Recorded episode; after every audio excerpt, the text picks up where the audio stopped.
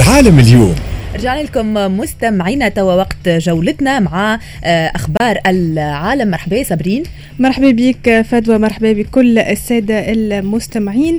آه، كما حكيت نحكيو اليوم على آخر أخبار العالم ونبداو بالشقيقة ليبيا وين تمكنت قوة العمليات المشتركة الليبيه اليوم من إلقاء القبض على أحد أكبر قاده تنظيم الدولة داعش داخل مدينة بني وليد المدعو مبارك الخارمي. واعتبر رئيس حكومة الوحدة الوطنية عبد الحميد الدبيبة في تغريدته على تويتر أنه عملية القبض على مبارك الخارمي أحد قادة تنظيم داعش نجاح كبير للقوات الليبية الأمنية ولقوة العمليات المشتركة واللي تستمر في مكافحة الإرهاب وفق تعبيره. كما انطلقت آه، امس حملة تلقيح الفئة العمرية من 2 ل 11 سنة في كوبا ضد فيروس كورونا باستخدام لقاحين محليين لكن غير معترف بهم من منظمة الصحة العالمية.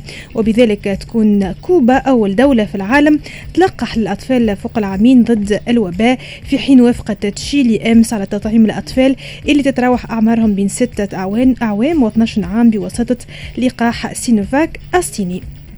نمشيو لأفغانستان وين قال المتحدث باسم طالبان في مؤتمر صحفي إنه الحركة لا تتدخل في شؤون أي دولة ولا تسمح لأي دولة بالتدخل في شؤونها وتأمل إنه تعترف دول العالم بشرعية دولتها.